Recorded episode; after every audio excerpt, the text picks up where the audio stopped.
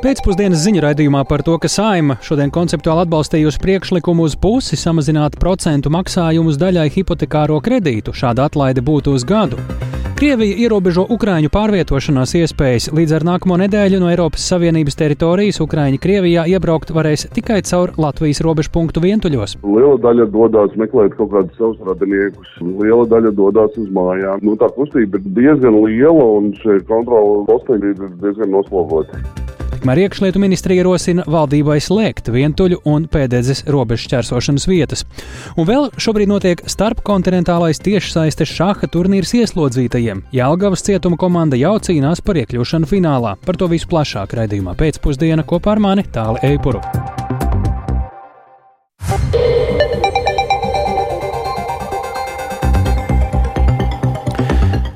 Pūkstens rāda 16,5 minūtes, skana pēcpusdienas ziņu programma, skaidrojot šodien svarīgus notikumus. Studijā tālāk Eipurs, labdien! Vairumam hipotekāro kredītu ņēmēju uz laiku par 50% samazināt procentu maksājumu apmēru. To paredz šodien saimā pagaidām pirmajā lasījumā vienbalsīgi atbalstītie likuma grozījumi. Likuma projekta autori no saimas budžeta komisijas gan pieļauj, ka piedāvāto regulējumu vēl papildinās un pārvērtēs, apzinoties draudošo tiesvedību risku ar banku sektoru. Tomēr priekšlikumu būtību tas nemainīšot. Par saimnes deputātu argumentiem vairāk Jāņa Kīņča ierakstā. Saimnes budžeta un finanšu komisijas virzītie likuma grozījumi tapuši ņemot vērā strauji augušās eiribor likmes. Tās Latvijā šobrīd ir vienas no augstākajām Eiropā, pārsniedzot 6%. Likumprojekts paredz, ka bankām no šā gada 1. novembra līdz nākamā gada 31. oktobrim būtu par 50% jāsamazina aizņēmumu procentu maksājumu tiem, kuriem tas ir vienīgais hipotekārais kredīts un kura kredīta atlikums nepārsniedz 250 tūkstošus eiro. Likmes samazinājumu piedāvāts attiecināt uz kredītiem, kas izsniegti līdz šā gada gada 30. septembrim. Atbalstu neparedz tiem, kuri kreditēto mājokli izīrē. Sagatavoto likumprojektu pamato Saimnes budžeta un finanšu nodokļu komisijas vadītājs Jānis Rērs no jaunās vienotības. Ņemot vērā, ka mūsu kredītņēmējiem pārsvarā ir noslēgta līguma ar mainīgo likmi, Eiribor likmi, un 6% ir tikai pastāvīgā likme, Šī kāpuma rezultātā mēs esam stabili līderi hipotekāro kredītu procentos. Likumprojekta anotācijā arī secināts, ka šāds regulējums radītu tiesiskus riskus un ietekmi uz kreditēšanas un investīciju vidi nākotnē. Valsts budžets varētu zaudēt simtiem miljonu eiro, ja bankas vērstos satversmes tiesā vai startautiskajā šķīrētiesā. Nevienā nozarē nevar mainīt cenas iepriekš noslēgtiem līgumiem. Tā iepriekš uzsvērs arī Finanšu nozares asociācijas juridiskais padomnieks Edgars Pastars un arī Latvijas bankas eksperti. Vērtējot šos riskus, Saimas budžeta komisijas priekšsēdētāja biedrs Andris Šuvājevs no progresīviem uzsver, ka līdz likumprojekta galīgajai pieņemšanai vēl varētu apspriest, cik lielā apjomā uz laiku ierobežot kredītu procentu maksājumus. Tomēr pašu priekšlikumu būtību nav plānots mainīt. Manuprāt, pēc iespējas plašāks atbalsts tomēr iedzīvotājiem šī priekšlikuma ietvaros ir pareizais virziens. Te ir jāatcerās, ka mēs šeit tomēr runājam ne jau par tādu ierastu valsts atbalsta programmu, bet tomēr par to, ka bankām, skatoties uz viņu peļņas rādītājiem, ir nepieciešams sniegt lielāku atbalstu viņu klientiem. Un es uzskatu, ka šis klientu lokus, kam atbalsts ir jāsniedz, ir tomēr plašāks nekā šaurāks precizēšana ir iespējama, bet lielos vilcienos, jebkurā gadījumā, priekšlikuma būtība paliks kāda tā ir. Lēsts, ka piedāvātās likuma izmaiņas aptvērtu apmēram 98% hipotekāro kredītu ņēmēju. Sākotnēji saimnes budžeta komisija pēc vairāku ārvalstu parauga vērtēja citu pieeju - atbalstu kredītu maksātājiem iedarbināt, lai kredītu izdevumi nepārsniegtu 30% no mājasemniecības ienākumiem. Pēc Nacionālās apvienības deputāta Artūra Butāna domām tas būtu aplami, ņemot vērā kopējo salīdzinoši zemāko ienākumu apjomu Latvijā. Tomēr arī šodien konceptuāli skatītajā likumprojektā ir vajadzīgi papildinājumi. Redakcija paredz atbalstīt tikai tos, kuriem ir viens hipotekārais kredīts. Ir gana daudz gadījumi, kur ģimenei var būt vairāki Vai tas ir lauka īpašums, vai tas ir nezinu, palīdzēt senioriem, vecākiem, teiksim, atjaunots īpašums, vai tikpat labi tas var būt viens un tas pats īpašums, kuram ir divi hipotekārie kredīti. Mēs viņus nedrīkstam sodīt par to. Debatēs arī izskanēja, ka šī esot pirmā reize, kad top kāds lēmums pretēji ārvalstu banku lobbyiem Latvijā. Vienlaikus par kritiskāku vārdu parūpējās deputāts Māris Sprindžuks no apvienotā saraksta, pārmetot koalīcijai ķeršanos pie pēdējā salmiņa. Nē, šis nav vēsturisks lēmums. Mēs patiesībā jau kuru kuro reizi ejam šajā kreisajā virzienā, subsidēt visus pēc kārtas un regulēt cenas. Mēs salaižam visu dēlī, tik tālu, ka jau vairs nav kur likties, un tad glābjam ugunsgrēku. Tas pats notiek bankām, nenotiek banku konkurence, ka mums ir augstākie kredīti pievienotie procenti Eiropā. Pirmajā lasījumā atbalsts šim likumprojektam bija vienbalsīgs. Par to nobalsoja 90 klātesošie saimnes deputāti. Jānis Kincis, Latvijas radio. Tātad pagaidām saimnes lēmums pieņemts pirmajā lasījumā, un diskusijas par to vēl turpināsies. Bet turpmāk Ukrainas pilsoņi, ieceļot Krievijā no Eiropas Savienības teritorijas pa sauszemi, varēs tikai caur vienu punktu visā Krievijas sauszemes robežas garumā, un tas būs vientuļu robežu punkts tieši uz Latvijas robežas ar Krieviju. Tā Latviju informējusi Krievija, un šādi ļoti būtiski ir ierobežots Ukraiņu, tiks ierobežot Ukraiņu ieceļošana Krievijā no trešajām valstīm. Būs gan vēl viens veids, kā cilvēki ar Ukraiņas pasēm no Eiropas puses varēs iekļūt Krievijā caur Šeremetjevas lidostu Maskavā. Kāpēc un cik bieži Ukraiņi mēdz doties uz Krieviju un kā lēmumu vērtē gan pierobežā esošajā balvu novadā, gan arī eksperti par to visu plašākā Gnīs Lazdiņas ierakstā.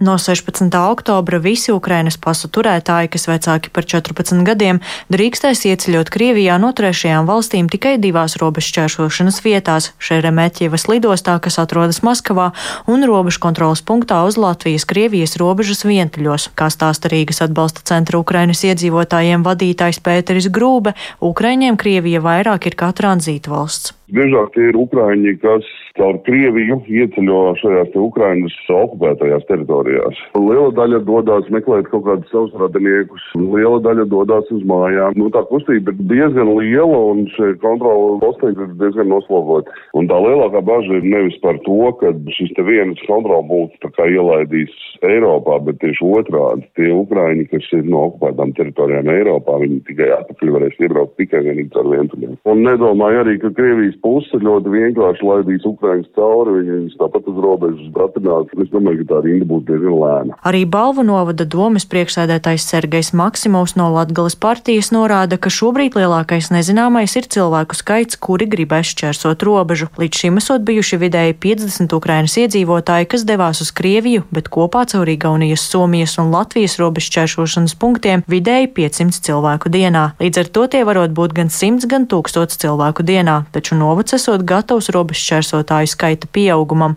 tā uzsver Maksimovs. Es tiku sasaucis uz civilās aizsardzības komisiju kopā ar drošības struktūrām un valsts robežsardze.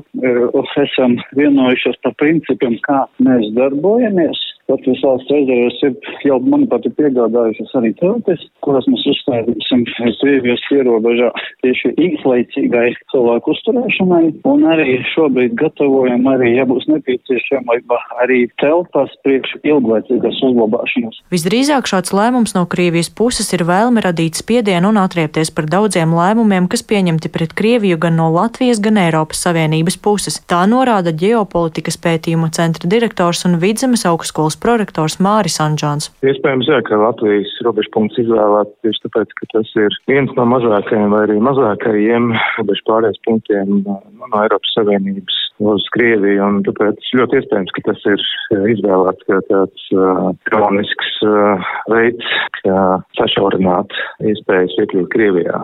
Domāju, ka tas varētu būt viens no iemesliem. Un, protams, Latvija tradicionāli ir bijusi valsts ar vienu no stingrākajiem atbalstiem Ukrainai, tāpēc domāju, ka izvēle varētu būt diezgan loģiska. Krievijai Eiropā ir sauszemes robeža ar Latviju, Igauniju, Somiju, Norvēģiju, kā arī Lietuvu karaļaučos. No Latvijas iebraukt Krievijā līdz šim varēja izmantojot septiņus robežu kontrolas punktus. Arī Igaunijā pa sauszemi Krievijā varēja ieceļot pa septiņiem, bet no Somijas vairāk nekā desmit sauszemes robežu šķēršošanas punktiem. Norvēģijā ir tikai viens šāds robežu punkts. Vientuļu robežu šķēršošanas punkts Latvijā ir mazākais un pamatā satiksme starp abām valstīm intensīvāk notikusi caur citiem punktiem, piemēram, Terehovu, Grebņevu vai Zilpi. Turpina ārlietu ministrijas preses sekretāre Diāna Eglīte. Ārlietu ministrs Krišāns Kariņš ir publiski paudis, ka Krievija šādā veidā turpina savu taktiku, cenšoties šķelt Eiropas Savienības dalībvalstis, kam ir robeža ar Krieviju. Viņš arī norādīja, ka šāda rīcība ir lemta neveiksmē un ir uzsvērs, ka Latvija tieši saskaņos vienotu nostāju ar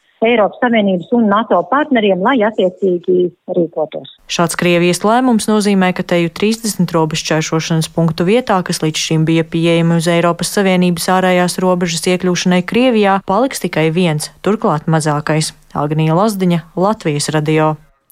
Ties, tas viss var izvērsties vēl citādāk, jo iekšlietu ministrija jau ir sagatavojusi valdības lēmumu projektu uh, par pededzes un vientuļu robežšķērsošanas vietu darbības apturēšanu. Dokumentā norādīts, ka Krievijas lēmumu dēļ, citēju, uz Latvijas-Krievijas robežas tiek radīti apstākļi, kas var būtiski ietekmēt sabiedrisko kārtību un radīt valsts drošības apdraudējumu. Citādi beigas. Ar šādu pamatojumu tad arī plānots apturēt abu robežu šķērsošanas vietu darbību, un pašlaik lēmuma projekts ir iesniegts jau sagatavošanai. Arī valsts robežsardze norāda, ka sagaidīs valdības lēmumu, lai tad arī attiecīgi varētu rīkoties. Arī nākamais mūsu stāsts ir cieši saistīts ar Ukrainu. Šajās minūtēs Briselē noslēdzas NATO valstu aizsardzības ministru sanāksme, un ja vakar galvenā uzmanība bija veltīta Ukrainai, tad šodien lielties priekšplānā ir situācija Izrēlā. ASV aizsardzības ministrs Lloyds Ostins vēlreiz apliecināja, ka Vašingtona palīdzēs Izrēlai aizstāvieties pret grupējumu Hamas teroristiem, un plašāk par šodien pārunāto tiešraidē ir gatavs stāstīt mūsu Briseles korespondents Arķems Konohaus. Sveiks, Arķem! Nu, lai arī sākotnēji šī bija iecerēta kā sanāksme Ukrainas atbalstam, cik būtiski NATO aizsardzības ministru dienas kārtība ir ietekmējusi Izrēlā notikušais? Labdien, tālu, labdien, klausītāji! Jā, šī bija paredzēta sanāksme, kurā tiek ļoti daudz runāts par Ukrainu, un arī vakar jāsaka, tiešām tika runāts par Ukrainu. Kā zināms, arī Ukrainas prezidents Valdemirs Zelenskis ir apmeklējis eh, Briseli un ir piedalījies vismaz daļā no sanāksmēm.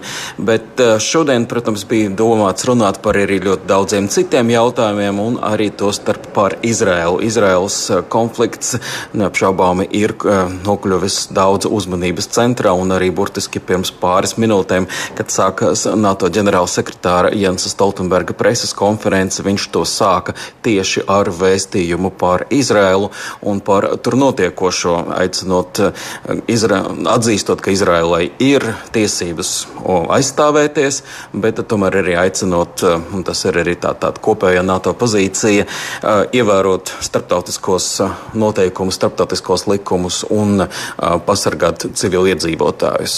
Tad, tad zināma mēra sajūta, ja šāda frāze var šajā situācijā lietot, tas ir tas, kas šobrīd izskan no NATO. Tomēr, protams, valstu viedokļi nedaudz atšķirās. Mēs zinām, ka Vācija ir izteikusi ļoti lielu gatavību atbalstīt Izraēlu un arī ir piekritusi ļaut izmantot divus dronus, ko lieto Vācu armija, kas atrodas Izraēlā pārsvarā. Tie ir Izraēlas droni, bet viņi atrodas Vācijas armijas lietošanā runāt tur mācībām, un arī tiek runāts arī par to, ka varētu tikt piegādāta munīcija kuģiem. Arī tas ir tas, ko Izraela ir prasījusi. Un, protams, arī ASV aizsardzības ministrs Lovits Ostins ir izteicies, ka viņi sniegs eh, visu palīdzību, kas Izraēlai ir nepieciešama. Paklausīsimies! I know you share our outrage at the terrorist attack uh, on Israel. Es zinu, ka jūs, tāpat kā mēs, esat sadusmoti par neseniem Hamas teroristu uzbrukumiem Izrēlai un atbalstāt mūsu apņemšanos palīdzēt Izrēlai tās tiesībās uz pašaizsardzību. Es gribētu tikai piebilst, ka NATO pašlaik ir tik spēcīga un vienota, kā es nekad iepriekš to nebūtu redzējis. Un kā jau jūs labi zināt, esmu bijis saistīts ar NATO daudzus gadus. Alianse joprojām paliek par būtisku fórumu konsultācijām, lēmumiem un rīcībai transatlantiskās drošības jomā. uh, decision and action for transatlantic security. Un vēl, protams, būtiska, būtisks uzsvars šoreiz tika likts arī uz iepriekš Viļņas samitā pieņemto lēmumu īstenošanu, tad uz tādiem praktiskiem soļiem. Tāli? Nu jā, tikmēr paralēli ir vēl nepatīkami jaunumi, kas jau pirms dažām dienām ir runājot par zemūdens infrastruktūras drošību, jo ir bojāts gāzes starpsavienojums starp Igauniju un Somiju. Sakārt, jums kādus soļus šeit NATO vai nu, jau ir spēruši vai varētu spērt? NATO ģenerālsekretārs Stoltenbergs ir izteicies, ka atbilde būs un atbilde būs stingra, ja tiešām izrādīsies, ka šo situāciju ir izraisījis kāds, kāda terorista vai kāda valsts, proti tā ir bijusi ārējā iejaukšanās. Bet to mēs varētu uzzināt jau pēc nedēļas vai divām, vismaz tā sola Somijas puse. Somijas aizsardzības ministrs žurnālistiem ir teicis, ka viņi vēlas veikt izmeklēšanu pietiekami ātri, ātrāk nekā tas ir noticis Nord Stream gadījumā, kur um, secinājumi faktiski joprojām publiski nav līdz galam pieejami un nav skaidrs, kurš to ir īstenojis. Tur ir dažādas spekulācijas publiskajā telpā.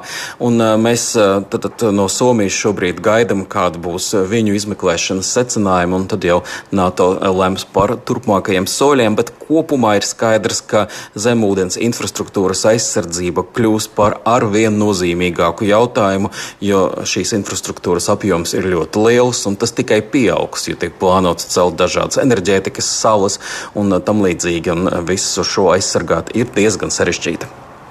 Paldies, Ārķim! Jā, sakaru kābeļi, dažādu dabas resursu vadi un uh, enerģijas infrastruktūru.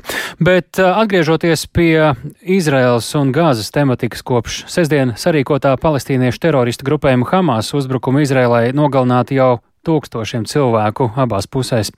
Izrēlā nogalināto skaits sasniedzis 1200 cilvēkus, lielākoties tie ir civiliedzīvotāji. Šobrīd Izraels aizsardzības spēki turpina triecienus Hamas mērķiem Gazas joslā. Grupējuma kontrolētā Palestīnas veselības ministrija paziņojusi, ka nogalināto skaits Gazā ir sasniedzis vismaz 1300 cilvēku. Tikmēr Izraels premjerministrs Benjamins Netanjahu sola turpināt cīņu pret Hamas teroristiem. Uzsverot, ka ik viens grupējuma kaujinieks sevi jau tagad var uzskatīt par mirušu. Ziņo Rostams Šukurovs. Saskaņā ar Izraēlas aizsardzības spēku sniegto informāciju aizvadītajā naktī Izraēlas gaisa spēki devuši triecienus teroristu grupējumu Hamas izveidotajiem pazemes tuneļiem Gazas joslā. Aizsardzības spēku pārstāvis Jonatans Konrikus video paziņojumā, kas ir ievietots sociālajā tīklā X, pavēstīja, ka Gazas joslā ir izveidoti vairāki pazemes tuneļu tīkli, ko izmanto gan civiliedzīvotāji, gan Hamas kaujinieki. Saskaņā ar Konrikus teikto, kopš Hamas pārņēma varu Gazā 2007. gadā, tur regulāri tiek rakti pazemes tuneļi. Konrikus norādīja, ka Hamas tuneļu tīklus izmanto kravu pārvadāšanai, kā arī pret Izraēlu vērsto operāciju plānošanai un īstenošanai. Tāpat Izraēlas aizsardzības spēku pārstāvis pavēstīja, ka Izraēlas gaisa spēki devuši triecienus tiem Gazas joslas apgabaliem, kur varētu atrasties Hamas komandieri un augstākā vadība. Savukārt intervijā telekanālam ABC World News Konrikus komentēja informāciju par iespējamo Izraēlas aizsardzības spēku sauszemes operāciju Gazas joslā un deva mājienu par operācijas mērķiem. Mums ir mobilizēti rezervisti. Rezervistos ir sauszemes vienības, kainieki, bruņotehnikas vadītāji, artilēristi, sapieri, kara izlūki. Tātad, pamatojoties uz šo informāciju par rezervistiem, kurus esam iesaistījuši, var saprast, kādus uzdevumus tiem būs jāizpilda. Un pēc šī kara beigām Hamāšs vairs nekad nebūs militāro spēju nogalināt vai ievainot Izraēlas civiliedzīvotājus. Par Izraēlas iespējamo sauszemes operāciju Gazas joslā izteicies arī cits aizsardzības spēku pārstāvis Ričards Hehts, kurš norādīja, ka armija ir gatava uzsākt operāciju, taču vēl nav saņemta valsts politiskās vadības pavēle tās īstenošanai. Tikmēr Izraēlas premjerministrs Benjamins Netanjahu pirmajā preses konferencē pēc krīzes laika valdības izveidošanas paziņoja, ka Izraēla iznīcinās Hamas, tāpat kā tika iznīcināts viens cits bēdīgi slavenais teroristu grupējums. עברנו להתקפה. כל איש חמאס הוא בן מוות. Mēs pārējām ofensīvā. Katrs Hamas kaujinieks kļūs par mironi. Hamas ir islāma valsts, un mēs uzvarēsim un iznīcināsim Hamas, tāpat kā pasaule uzvarēja un iznīcināja islāma valsti. Izraēlas premjerministrs arī norādīja, ka pēc Hamas uzbrukuma Izrēlai uz spēles tika likts valsts liktenis. Netanjahu uzsvēra, ka tieši tāpēc tika pieņemts lēmums izveidot krīzes laika valdību, kurai jau nākas saskarties ar spiedienu saistībā ar Gazas joslas blokādi. Izraēla liec piegādāt Gazai ūdeni, elektrību un degvielu un apņēmusies turpināt aplenkumu. Pret šo apņemšanos iestājušās Arābu līgas dalību valstis, kuras ir pieprasījušas, lai Izraēla izbeidz blokādi un ļauj humanitārām kravām sasniegt Gazas civiliedzīvotājus. Ar līdzīga rakstura paziņojumu nāca klajā arī ANO ģenerālsekretārs. Savukārt Izraēlas enerģētikas ministrs Izraels Kats paziņojis, ka līdz brīdim, kamēr Hamas kaujinieki neatbrīvos sestdienas uzbrukumā sagrābtos ķilniekus, Izraēla blokādi neizbeigs. Hamas kaujinieki ir sagrābuši par ķīlniekiem aptuveni 150 cilvēkus. Izraēlas armija šodien paziņojusi, ka ir noskaidrojusi 97 sagrābto ķīlnieku personības. Rustam Šukurovs, Latvijas Rādio.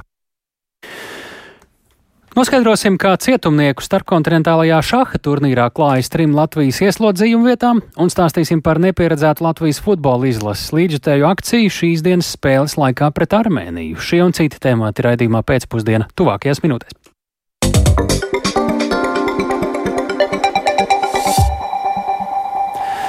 Nākamgad Rīgā būs par 17 rotaļu laukumiem un atpūtas vietām vairāk, un kopā to dažādās apkaimēs būs jau vairāk nekā 120. Tāds ir pašvaldības plāns. Atpūtas vietu projektēšanai nepieciešamās naudas atvēlēšanu šodien vienbalsīgi atbalstīja domas atbildīgā komiteja. Un vairāk par to ir gatavs stāstīt kolēģis Viktors Demidovs. Sveiks, Viktor! Pastāstīja par jaunajām rotaļu un atpūtas vietām, kur tad tieši tās taisās izveidot. Labdien! Vietas, kur bērni un pieaugušie varēs atpūsties, pašvaldība plāno izveidot dažādās apkaimēs, un vairums būs starp daudz dzīvokļu mājām no kopumā 17 jauniem laukumiem, visvairāk, jeb četrus paredzēts izveidot purcimā. Būs arī vecmogrāvī, konkrētāk vecmogrāvī sastajā līnijā, tad arī juglā starp Malienas un Juglas ielu, būs arī pļavniekos un vairākās vietās pārdaugavā, nu, piemēram, Šampēterī un citviet. Kas šajās vietās būs, vairāk lūdzu noklausīsimies Dacis Krūzmani Rīgas domas projektu vadītāju uh, ainavu arhitektūras un plānošanas jautājumos. Tur būs uh, gan spēļu laukumi, un rekreācija savukārt nozīmē atpūtas iespējas. Tātad kaut kādas pastaigu celiņi ar atpūtas soliņiem, varbūt kaut kādiem, piemēram, šaka galdiņiem, kur iedzīvotājiem vecāka gada gājuma cilvēkiem ir iespēja kaut ko padarīt ārpus savas dzīves vietas. Spēļu laukumi savukārt atkal ir visi spēļu elementi, ne tikai slīdkalniņi, šūpoles, atstaru šūpolītes, rotaļu kompleksi dažādi, karuseļi, balansīri. Šodien Rīgas domas finanšu un administrācijas lietu komiteja atbalstīja 118 tūkstošus eiro minēto 17 vietu projektēšanai. Tas ir par 64 tūkstošiem mazāk nekā sākotnēji paredzēts. Savukārt to realizēšana maksās vidēji ap 200 tūkstošiem eiro katra vieta. Tātad kopumā 3,4 miljonu eiro tas varētu būt tas provizoriskais skaits, cik maksās 17 vietu izveide. Jā, uh, Viktor, uh, kā tad uz to visu skatās ekspertīte? Ir viss skaisti un jauki, vai arī kādas bažas? Skaisti un jauki, un arī bažas, kā tu no. minēji. Jā, aprunājos ar apkaimju alianses vadītāju Māriju Jansonu. Viņš uz tiem nosauktajiem 200 tūkstošiem eiro raugās piesardzīgi, un tad vairāk lūdzu viņu tad arī noklausīsimies.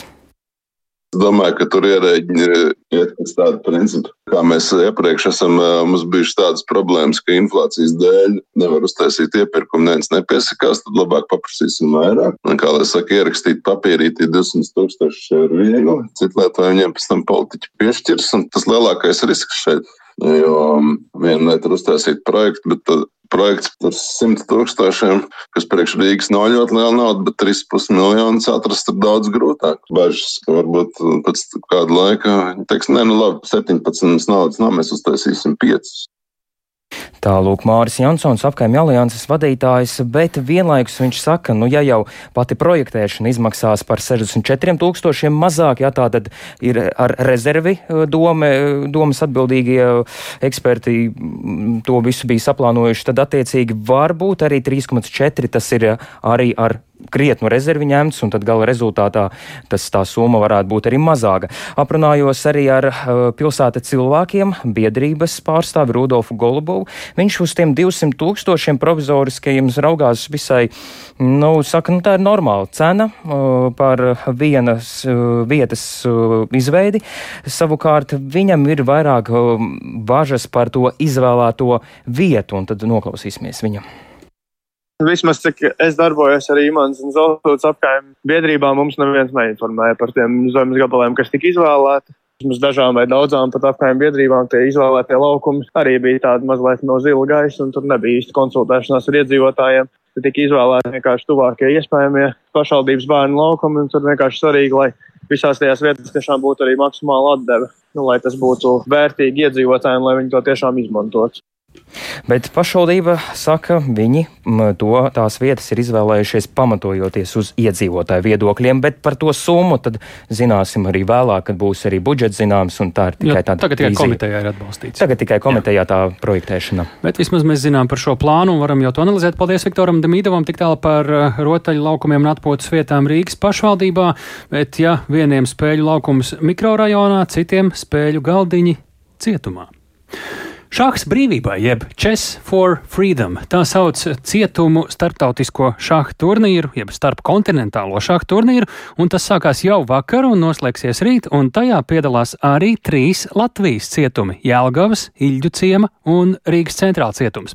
Jelgavnieki 118 komandu konkurencē no vairāk nekā 50 pasaules valstīm vakar izcīnījuši iespēju spēlēt pusfinālā, un tajā piedalās tikai 20 labākās komandas.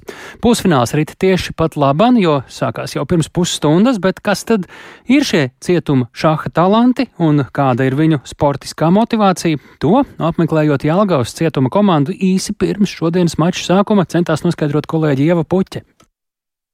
Jelgavas cietums ir stingra režīma vīriešu cietums, kur cilvēki nonāk par sevišķi bīstamiem un bīstamiem noziegumiem. Virs sētas novilktas dzeloņdrātis, teritorijas stūros ir novērošanas torņi, taču cietuma zālē šodien pulcējas priecīgi satraukti cilvēki. Uz četriem galdiņiem atvērti klēpju datori ar šaha spēles sākuma pozīciju. Spēles sākums no pulkstens 11. tehnisku problēmu dēļ pārcēlts uz četriem. Sportisti tāpēc no rīta vēl paspējuši doties uz darba vietām tepat cietuma teritorijā. Pirmais telpā ienāk Sergejs, kas ieslodzījumā strādā galdniecības cehā. Я играл раньше, но никогда не занимался профессионально, как бы šахmatами. Es šahu biju spēlējis jau agrāk, taču nekad nebiju nodarbojies ar to profesionāli. Bet šeit mūsu treneris māca tā, kā tam būtu jābūt profesionālā līmenī.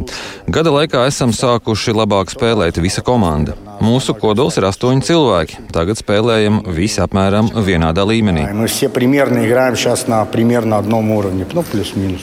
Jelgavas cietuma komandu trenē šaha meistars Sergejs Klimakovs. Tā interneta turnīros sacentusies arī ar centrāla cietuma kolēģiem un Nacionālo bruņoto spēku karavīriem. Pirmoreiz spēlējis pasaules čempionātā pagājušo gadu, kad tikus līdz 39. vietai. Šogad progress esot milzīgs. Vakar jau uzvarētas divas komandas, kas pagājušo gadu pārspēja Latviju no Irānas un Serbijas. Bet tas nav vienīgais iegūms cietumā spēlējot šahu. Это отвлекает нас от э, повседневного. Мы хотим Tā mēs varam atslēgties no šī brīža problēmām. Mēs taču visi gribam dzīvot sabiedrībā, nodarboties ar kaut ko derīgu. нынешних проблем и Uz cik gadiem esat sodīts, ja drīkst prasīt? на 8 с половиной, но мне три года осталось. Uz astoņiem ar pus gadiem vēl trīs gadi palikuši. Tos droši vien atsēdēšu. Mans pārkāpums ir saistīts ar narkotikām. Ну, у меня с наркотиками преступления связаны. Gribas mājās. Конечно, сын растет. Protams, dēls aug. Tāpēc mēs spēlējam, cenšamies attīstīt savu iekšējo pasauli, lai nākotnē šeit vairs nenonāktu. Komandas līderis ir vēl viens Sergejs, kas cietumā ieradies jau pēc pagājušā gada pasaules čempionāta. Viņš šaku spēlēja jau kopš skolas laika. Kāds ir jūsu mīļākais šaha gājiens? Nu, nav mīļākie tādi tieši gājieni. Nu, ā, nu, mīļākais ir, kad pēdējais, ka liek matu. Un to jūs vakar izdarījāt cik reizes? Piecas. Pasaules cietuma šaha čempionātā Latvijas ieslodzījuma vietas iesaistījusi bijusī politiķe šaha lielmeistare Dana Reizniece Ozola, kura kopš 2021. gada ir Startautiskās šaha federācijas rīkotāja direktore un šobrīd atrodas Čikāgā, no kurienes tiek vadīts šis čempionāts, stāsta Jelgavas cietuma sociālā darbiniece Ēvija Teilāne, kura koordinē šaha komandu. Tas ir jāatcerās. Mēs nepārstāvam kaut kādu konkrētu cietumu un pat ne ieslodzījumu vietu pārvaldi. Šī brīdī četros mēs zālē pārstāvēsim Latviju. Ja tiešām mēs ļoti labi nostartējam, vai viņiem tas varētu arī ietekmēt soda izciešanas termiņu? Diezin vai, ziniet kā, es neprognozēšu, bet es, es gaidu brīnumu. Šodienas mači ilgšot līdz pulkstens desmitiem vakarā, tad arī zināsim, vai Jelgavas cietuma komanda iekļūsi finālā, kas risināsies rīt. Ieva Puķe, Latvijas radio. Mēs šobrīd arī esam sazinājušies ar Eviju Teilāni, Algaus cietuma šāha komandas koordinātori. Sveicināti! Sveiki! Kā tad notiek tas pats turnīrs? Es saprotu, katrs tur pa vairākiem mačiem izspēlē. Tas ir pret kādas konkrētas valsts komandu vai kā? Kas ir jāizdara, lai tagad tiktu tālāk tā. pusfinālā, respektīvi, un kā tas notiek? Tieši tā, savā grupā mēs esam desmit komandas. Mūsu ieskaitot, mums šodien ir paredzētas deviņas spēles. Katrā, pareizāk sakot, deviņi raundi. Un katrā raundā ir četras spēles. Respektīvi, vienlaicīgi pie galda cīnās četri puiši. Katrs izspēlē savu vienu maču, jā, pret šo konkrētu. Kā tā. šobrīd mēs zinām, četros uh, sākās šis uh, pusfināls par cīņu uh, finālā. Uh, tagad kā pusstundas laikā ir gājis? Mums bija pirmā komanda, bija Slovenija. Mēs viņus zinām no pagājušā gada. Tā ir spēcīga komanda. Un šī brīdī mums ir viens pret trīs. Mēs zaudējām šo partiju. Kur Slovēņi bija pagājušajā gadā, kurā vietā un kurā bija mūsējie? Uh, es varu samelot. Apmēram. Nepateikšu Augstāk? tagad, bet nu, viņi bija augstāk par mums. Jā. Jā. Jā, jā. Un pasaulē, kurš bija labākais? Pagājušajā gadā? Jā. Filipīnas. Filipīnu uh, ieslodzījumu vietu šahisti. Uh, Jā. Kāpēc no trim cietumiem, kā jūs teikt, kur ir arī centrāls cietums un īļciem cietums, kas Latviju pārstāvēja, Jelgavnieki ir tie spēcīgākie izrādījuši? Šobrīd jā. Kāpēc? Treniņu vairāk? Centrā, uh, es domāju, ka, jā, ka tā ir tā vaina. Jā, ka treniņi mums ir vairāk. Mūsu puiši ļoti pieķērušies trenerim, viņi ir pieņēmuši. Viņi tas arī tāds, nu, principā neticams gadījums, kad uh, ieslodzītie ļoti tuvu pievērš sev cilvēku, kas ir principā no brīvības. Viņš ir fantastisks, viņš ir fantastisks treneris, viņš fantastiski ar viņiem runā, viņš uztur viņu sportisko garu, viņš ar milzīgu cieņu pret viņiem izturās. Neatkarīgi no tā, ka viņi ir ieslodzīti un ko ir sadarījuši. Tas nu, ir tāds ļoti cilvēcīgi. Mēs spriežot par šo turnīru, uh, nu, mēs skatījāmies, ka pagājušajā gadā Jelgavas cietums ir izcīnījis augsto 36. vietu. Pasaulē šogad izskatās, ka jau ir tikts augstāk, uh, tad gan bija arī mazāk konkurence, Jā, tagad ir lielāk. Jau, lūk, un vai jautājums, kā jums izdodas noturēt labākos spēlētājus? Viņiem nav jāpaliek ilgāk tur, vai varētu? Nē, nu, nē nu, es jau te šodien puišiem piedāvāju, nu, varbūt uh, pieliekam klāt vēl to termiņu sodu, lai varam šāhu paspēlēt. Bet, ziniet, tie, kas šobrīd ir, uh, viņiem vēl kāds laiks ir cietumā jāpavada, bet uh, viņi ļoti pieturās pie šī pasākuma. Man ir uh, šāda klubā, mums ir 20 cilvēki, un viņi arī regulāri un skaisti nāk uz treniņiem. Medijiem izplatītajā ieslodzījuma vietu pārvaldes ziņā tiek skaidrots, ka šāks palīdz ieslodzītajiem mērķtiecīgi pavadīt brīvo laiku, māca pacietību, cieņu pret pretinieku, domāt vairākus gājienus uz priekšu, samierināties ar zaudējumu un palīdz pieņemt labākus lēmumus dzīvē. Kā jūs redzat, kā šāks ietekmē ieslodzītos? Jūs jau nedaudz arī ieskicējāt. Jā, es tā kā uh, visam tam piekrītu, izņem, izņemot to samierināties ar zaudējumu. Nu, tā kā mums tas pārdzīvojums ir liels pa, pa zaudējumiem. Tomēr. Bet nu neko darīt. Bet Tā tas rezultāts jūs jūtat kaut kādas pārmaiņas? Jā, jā, jā. Mums ir mazāk pārkāpumu, mums, mēs esam atsaucīgāki, mēs esam izpildīgāki. Es varu vienmēr uz viņiem paļauties, nu, kad viņi atnāks un, un izdarīs. Jā, nevis atkal sasolīs un tur kaut kur nu, pa, pazudīs. Jā. Vismaz tas, kas šobrīd notiek šāda klubā, tā ir viena lieliska komanda. Tā ir patiešām liela komanda, ja es atceros viņus gadus, gadu atpakaļ. Tā kā viņi atnāca, tā kā katrs savā stūrī iesitušies un vispār nesaprata.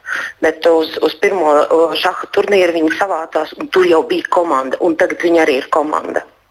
Tā, atpakaļ pie turnīra vēl mums ir mazliet laika ar Sloveniju. Mums tagad ir švaki gājis un vēl varbūt vienu otru izlasi, kas vēl ir priekšā, par ko jātur līdz tējiem īkšķi. O, tagad mēs spēlēsim. Mums būs trīs spēles. Trīs komandas ir no Salvadoras, ir komanda no Argentīnas, uh, Horvātija, Serbija, Meksika un Argentīna. Un kur viņi ir rangā tā līdzvērtīgi, vai tur neko nevar zināt? Šis ir līdzīgu komandu mačs turnīrs. Uh, es teiktu, ka mēs visi tur esam līdzīgi šajā brīdī.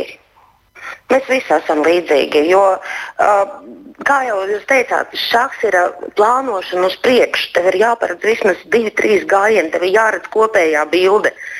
Mm, arī viņi izdara muļķīgus gājienus, arī pretinieks izdara muļķīgus gājienus, bet ir jāiemācās to izmantot. Nu, ja tagad ir viens trīs, kā vajag uh, pusfināla beigās, lai tiktu tālāk? Uf, grūti pateikt. Tur atkarīgs no citiem rezultātiem. Arī, kā pārējie, nu, jā. kā pārējie nospēlēs. Jā. Nu, tur mums uh, būs jāskatās, kā ir gājis. Pēc tam gaidīsim ziņas, gaidīsim labas ziņas, bet arī līdzšinējās jau ir ļoti labas. Paldies jums par sarunu arī par to, ko jūs darāt. Jebkurā gadījumā viņi jau ir mani čempioni tik daudz, tik milzīgs sasniegums, viņi jau ir mani čempioni. Jā. Lielas paldies! To mēs sakām Jālgavas cietuma šāha komandas koordinatorei Evijai Teilānai. Tātad šobrīd notiek starpkontinentālais ieslodzījuma vietu šāha turnīrs, kurā eh, no trim Latvijas cietumiem vislabāk veicis Jālgavas eh, cietumam, kurš jau ir iekļuvis pasaulē labāko 20. niekā, kas ir augstāk par pagājušajā gadā izcīnīto 36. vietu. Par uh, sacensībām turpinām. Līdz šim nepieredzēta futbola fanu akcija. Gaidām Latvijas futbola izlase šī vakara Eiropas čempionāta kvalifikācijas spēlē pret Armēniju. Latvijas izlasē turnīrā šobrīd nav neviena izcīnīta punkta, tāpēc aktīvākie līdzjutēji šodien ir gatavi uzskatāmi paust savu nostāju. Un plašāk par tematu mēs runāsim ar kolēģi Māri Bērgu. Sveiks, Māri! Kāda tad šobrīd ir situācija turnīra tabulā un kāpēc mūsējiem tie tik zaudējumi? Pieci zaudējumi. Jā, sveiks tā. Sveiks, tālu vēlreiz sveicināt klausītāju, izslēdz manu mikrofonu uz brīdi. Uh, situācija turnīra tabulā tiešām nav patīkama. Latvijas izlasēja Eiropas čempionāta kvalifikācijā. Tātad ir pieci zaudējumi piecās spēlēs, un Latvija ir viena no tikai sešām valstīm Eiropā, kas kvalifikācijā līdz šim ir bez punktiem. Skaidrojumu šādā lietu kārtībai, protams, mēs varam meklēt daudz un dažādus iemeslus, kāpēc tā Latvijai ir bijušas iespējas aizķert punktus, tostarp arī pirmajā spēlē viesos pret Armēniju, kur tika zaudēts jau kompensācijas laikā ar 1-2 bet eh, tieši pēdējais sabraukums bijis neveiksmīgs gan pēc rezultāta, gan arī pēc snieguma laukumā 0-2 pret Velsu un 0-5 pret Horvātiju septembra spēlēs. Nu, tad visi šie zaudējumi arī sanāk, ka ir tas iemesls līdzstēju neapmierinātībai, nepieredzētai, tā jāsaka, un tieši tāpēc arī vesels, es saprotu, fanu sektors varētu spēles sākumā pat uz laiku pamest pilnībā tribīnes. Jā, tā tad ir aktīvākie Latvijas izlases fani, tāda tā kā fanu kustība, savu, teiksim, viņas atrodas H sektorā. Mm. Un uh, sākoties spēlē, viņi atstās šo sektoru. Respektīvi, viņi būs tur pirms spēles, darīs visu to, ko viņi dara parasti, nodziedās arī Latvijas himnu, bet tiklīdz tiesnesis nosilps svilpi un sāksies spēle, tā viņi atstās sektoru un atgriezīsies tikai uz otro puslaiku, kad atkal viņi, protams, atbalstīs Latvijas izlases cīņā pret armēņiem.